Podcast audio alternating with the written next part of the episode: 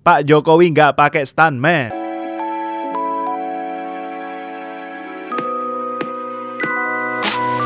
Selamat datang di Pep Talk. Yes, jumpa lagi di Pep ya.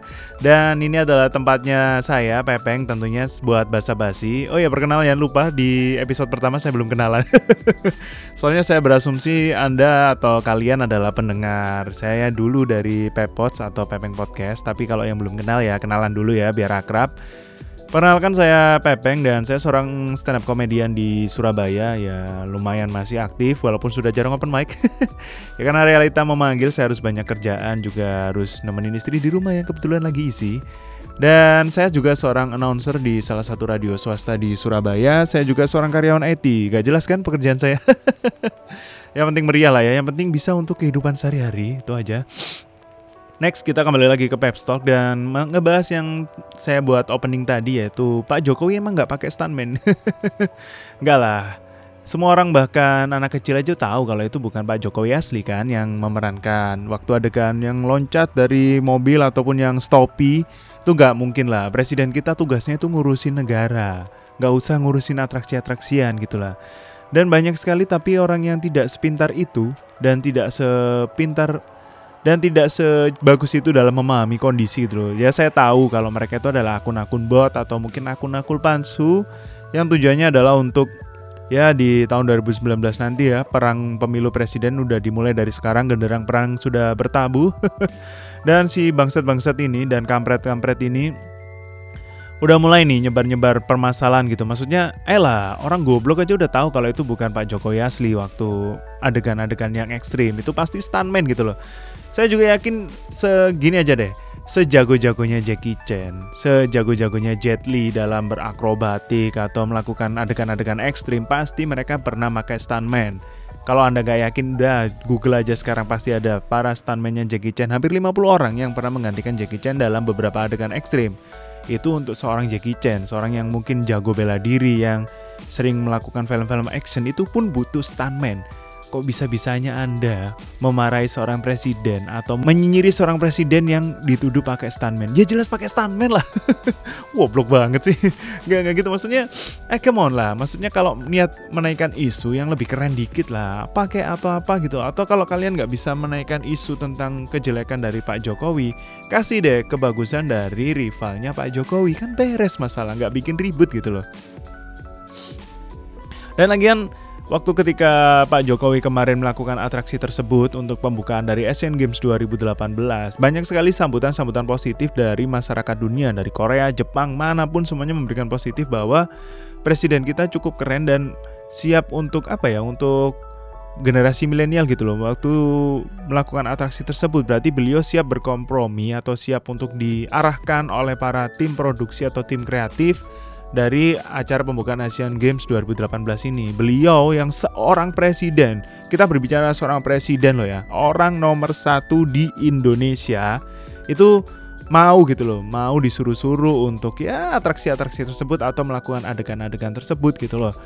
Saya yakin waktu presiden-presiden sebelumnya juga ada adegan seperti ini tapi tidak pakai adegan ekstrim dan mereka pasti mau juga diarahkan oleh tim kreatifnya. Cuma untuk edisi Asian Games 2018 ini biar makin meriah, biar makin semangat, jadi tim kreatifnya sengaja membuat yang lebih beda. Dan harusnya kita sebagai rakyat Indonesia mengapresiasi hal tersebut gitu, bukan malah nyinyir dan ngomongin yang nggak penting gitu.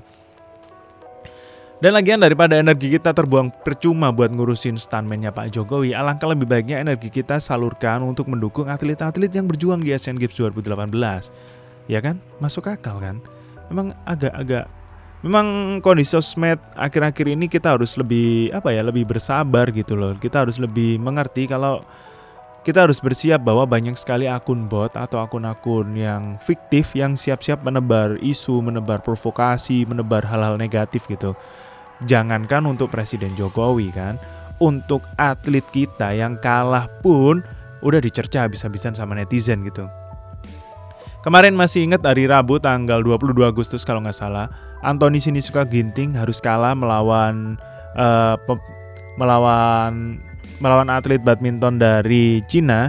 Dia harus kalah dan kekalahannya itu bukan kalah karena dia nggak maksimal atau karena kalau dia memang ngalah atau dia emang nggak maksimal dalam melakukan atau karena dia nggak maksimal dalam melakukan keahliannya loh ya. Ini kita bilang keahliannya sini suka ginting ini emang jagoan badminton karena kondisinya dia memang waktu itu tidak mungkin kan dia cedera parah. Kalau kalau nggak salah ada luka di ligamennya.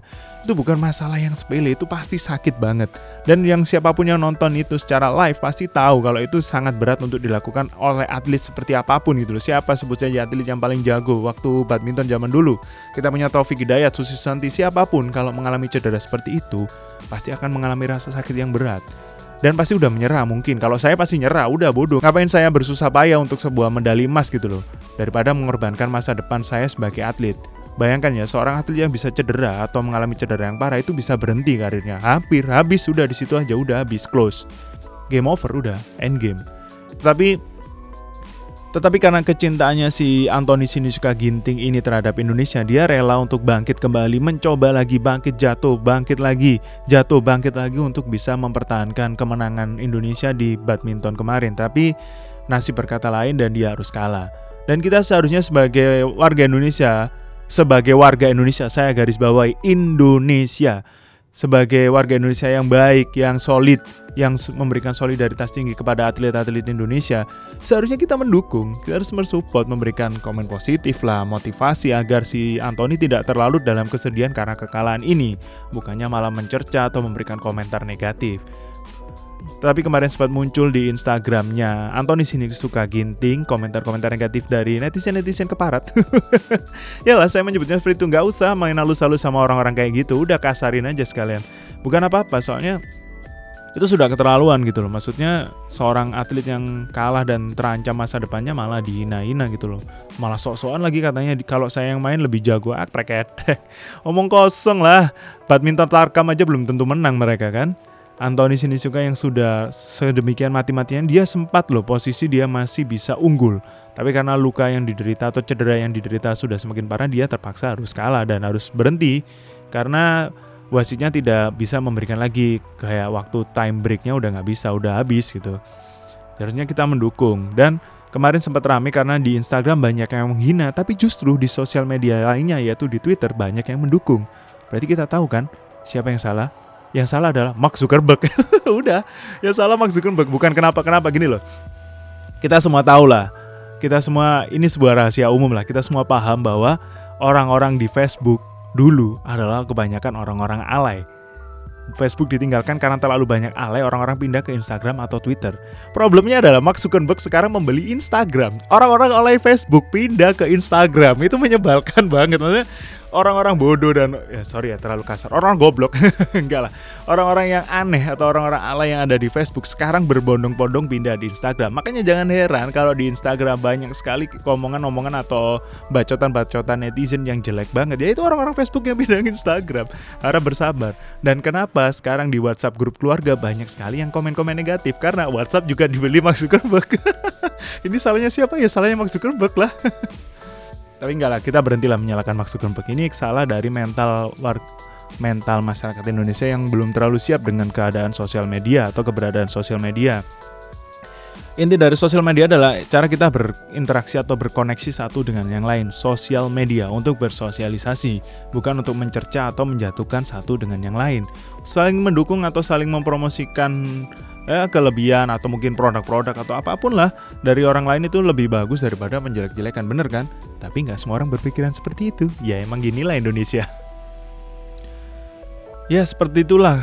Memang negeri kita tercinta ini. Jangankan badminton, jangankan presiden Kemarin, kemarin kita kalah dalam pertandingan sepak bola melawan Uni Emirat Arab. Dan apa yang dilakukan? Langsung ngebacot semuanya. Emang kita sekarang masuk ke zaman di mana orang lebih gampang ngebacot atau daripada melakukan sesuatu yang positif atau berkarya gitu loh. Jempol lebih cepat daripada aksinya jadi kalau memang salah sih. Dulu kita selalu meng, apa ya mengagung-agungkan slogan cepat tanggap cepat beraksi kita harus beraksi aksi aksi. Semuanya serba aksi. Tapi kita nggak menggarisbawahi aksi seperti apa yang kita harus lakukan gitu loh. Memang sekarang cepat banget aksinya. Oh jempol cepat banget beraksi. Tapi negatif semua. Jarang banget yang positif gitu loh. Dan seharusnya bagi warga negara yang baik kita harus mendukung apa pun yang dilakukan oleh entah itu pemerintah ataupun atlet-atlet ataupun siapa pun yang berusaha untuk memajukan Indonesia. Terlepas dari kepentingan apa pun yang mengikat dari orang atau komunitas atau kelompok tersebut gitu loh. Kalian uh, kalian pasti tahu gitu Korea Selatan dulu itu bukan apa-apa. Kalau di bertahun-tahun yang lalu kalau di compare sama Jepang mungkin atau ayolah kalau compare sama Indonesia aja dulu Korea Selatan itu nggak ada namanya gitu ya. Korea Selatan hampir nggak punya nama tapi sekarang Korea Selatan siapa yang nggak tahu Korea Selatan siapa yang nggak tahu K-pop siapa yang nggak tahu drama siapa yang nggak tahu budayanya Korea hampir semua orang tahu di luar negeri entah itu Amerika, Eropa, bahkan Indonesia. Eh sebut aja semua orang ngefan K-pop, banyak banget yang ngefan K-pop, anak muda, orang tua, anak kecil, remaja, semuanya suka gitu loh. Semua tahu. Dan sekarang kalian hampir semuanya make barangnya Korea Selatan. Mobil ada Hyundai, HP, Samsung, kalian tergantung dengan Samsung. Tapi kita tengok bertahun-tahun sebelum itu, apa yang dilakukan Korea Selatan sehingga bisa terkenal atau bisa-bisanya mereka bisa langsung meroket di dunia ini gitu. Korea Selatan, warga Korea Selatan adalah warga yang sangat loyal, yang sangat cinta dengan tanah, air, budaya, dan kulturnya. Semua orang, hampir sebagian besar warga Korea Selatan sangat mencintai negaranya. Ini terbukti ketika ada misalnya terjadi kasus korupsi di Korea Selatan. Apa yang dilakukan oleh orang yang korupsi malu. Dia akan mengundurkan diri dari jabatannya. Bahkan tidak er, bahkan tidak jarang banyak yang melakukan bunuh diri karena malu banget karena sudah mencederai atau apa ya membohongi negaranya sendiri. Rasa malunya ini sangat besar, rasa cinta tanah airnya walaupun dia korupsi, dia sangat besar.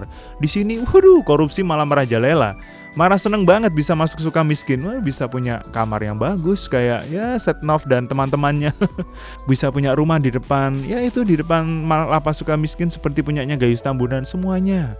Semuanya bisa dilakukan di Indonesia ini. Orang korupsi nggak malu, karena apa? Gak sebenarnya nggak cinta-cinta banget sama tanah air, lebih cinta duit lebih tepatnya dan pada dan seperti produk atau barang-barang khas Indonesia banyak kita lebih mencintai produk-produk luar negeri. Akhirnya, barang-barang yang produk Indonesia jarang banget terekspos dan akhirnya hilang, kalah sama pasaran luar negeri dan asal tahu aja barang-barang dari luar negeri itu juga sebenarnya barang dari Indonesia yang di rebranding. Sebut saja merek Adidas, eh, Puma, terus Villa, Nike, Mayoritas produk-produk itu banyaknya diproduksi di Indonesia, dijual lagi ke luar negeri, di branding, dijual ke sini kita beli dengan bangga karena itu produk luar negeri dengan brand luar negeri. Padahal produk itu buatan kita sendiri gitu. Kalau saja kita merelakan sedikit waktu untuk mencari-cari ya produk-produk di dalam negeri atau di dekat kita atau di daerah-daerah kita, mungkin kita bisa tahu kalau sebenarnya produk kita nggak kalah dengan produk luar negeri. Seperti itulah yang dilakukan warga Korea. Ada sebuah berita yang pernah saya baca dahulu Kenapa Samsung bisa meledak di pasaran sampai sekarang? Dulu waktu Samsung belum terkenal, belum sampai seramai sekarang untuk gadget, untuk handphone atau smartphone. Dulu warga Korea rela membeli Samsung yang kondisi spesifikasi, kondisi hardware softwarenya itu tidak lebih baik dari handphone lain yang ada di pasaran dengan harga yang lebih mahal. Mereka yakin bahwa apa yang mereka spend atau yang mereka keluarkan untuk produk yang lebih mahal tapi buatan negaranya sendiri akan dilakukan atau digunakan secara maksimal oleh para peneliti dari Samsung untuk membuat gadget yang lebih baik, yang lebih keren di pasaran yang nantinya akan dijual ke mereka dengan harga yang lebih murah. Jadi jangan heran, hampir semua orang Korea Selatan ya pakainya gadgetnya Samsung karena mereka sangat menghargai produk mereka sendiri. Andai aja kita seperti itu, saya yakin sekarang banyak sekali produk-produk Indonesia yang sudah mm, ya mendunia, sudah banyak dikenal banyak orang. Tapi ya sudahlah ya. Tapi sebelum belum terlambat untuk melakukan seperti itu. Jadi mulai sekarang carilah produk-produk yang ada di sekitar kalian yang mungkin kualitasnya juga sama bagusnya dengan produk luar negeri yang bisa kalian gunakan, yang terus kalian dukung, terus kalian promosikan sehingga banyak orang yang mengenal dan produk ini bisa menjadi meluas dan bisa mencapai ya mancanegara lah. Dan yang terakhir, kecintaan kita terhadap atlet-atlet Indonesia. Asal apa ya, banyak yang kita tidak paham bahwa perjuangan atlet untuk mencapai level seperti sekarang untuk bertanding di kancah internasional itu bukan semenit dua menit, sehari dua hari jadi enggak. Itu perjuangan bertahun-tahun berlatih cedera, berlatih cedera gagal, berlatih cedera gagal. Banyak sekali atlet yang mengalami cedera, mengalami masalah fisik, merelakan semuanya untuk mengharumkan atau membanggakan nama Indonesia. Kegagalan itu hanyalah sebuah ya kayak ya kita apa saja maksudnya bad day aja. Maksudnya kita nggak bisa berharap kalau setiap pertandingan Indonesia harus selalu menang. Kalian ini nggak lagi nonton pertandingan nankatsu bro. Ini pertandingan real satu lawan satu atau satu tim lawan satu tim. Dan di situ ada komu di situ ada kemungkinan besar untuk kalah ataupun menang. Semuanya tuh fair 50-50 kita nggak bisa berharap apa pun gitu. Ya kita harus lebih mempercayakan kepada mereka yang telah berusaha sekuat mungkin berdoa sekuat mungkin dan walaupun gagal ya kita harus tetap support gitu loh. Kita lo nggak ikut capek-capek di. Kita ini orangnya nggak ikut capek-capek untuk berlari-lari kita nggak capek-capek untuk berlatih tapi kita bacotnya itu setinggi langit gitu loh Alangkah lebih baiknya untuk tenaga kita ini daripada untuk memikirkan hal yang negatif atau berujar hal-hal yang negatif, kita salurkan untuk hal-hal yang positif itu. Memberi dukungan kepada mereka, memberi support. Kalian aja nggak ikut ngasih makan itu loh. Kalian nggak ikut ngasih apa ya ngasih support, ngasih vitamin kayak nyemangatin kayak datang ke area aja enggak loh. Kalian nggak spend sedikit pun untuk mereka, tapi berani-beraninya kalian itu ngomong negatif ketika mereka kalah. Brengsek banget ya. Kalau kalian datang ke arena sana, kalian kecewa, itu mungkin. Itu wajar. Kalian aja nggak datang nonton cuma di TV, gratisan. Bayar cuma listrik token aja masih minta orang tua. Bacotnya setinggi langit tapi. ya gitulah. Orang-orang netizen di Indonesia ini banyak yang harus belajar. Kita harus lebih bijak lagi dalam menggunakan sosial media. Agar sosial media yang fungsinya sebenarnya lebih bisa bersifat positif, nggak jadi negatif gitu, nggak jadi ya cuma sia-sia aja akhirnya kan daripada ada sosial media lebih baik uninstall aja semua kalau isinya cuma kebencian ujaran kebencian dan kita juga harus bersiap dan kita juga harus bersiap karena sosial media akan semakin lebih gelap lagi mengingat 2019 nanti ada pemilihan presiden. Harap bersabar. Ini adalah ujian yang cukup berat buat sebagian kita warga Indonesia. Semoga kalian tetap waras Jangan lupa sekali-sekali nonton-nonton film-film komedi atau ya drama-drama Korea nggak apa-apa biar nggak stres karena komentar-komentar netizen yang sering bermunculan di explore kalian. Sekian dari saya Pepeng, kita jumpa lagi di Pep berikutnya. Be happy and stay classy.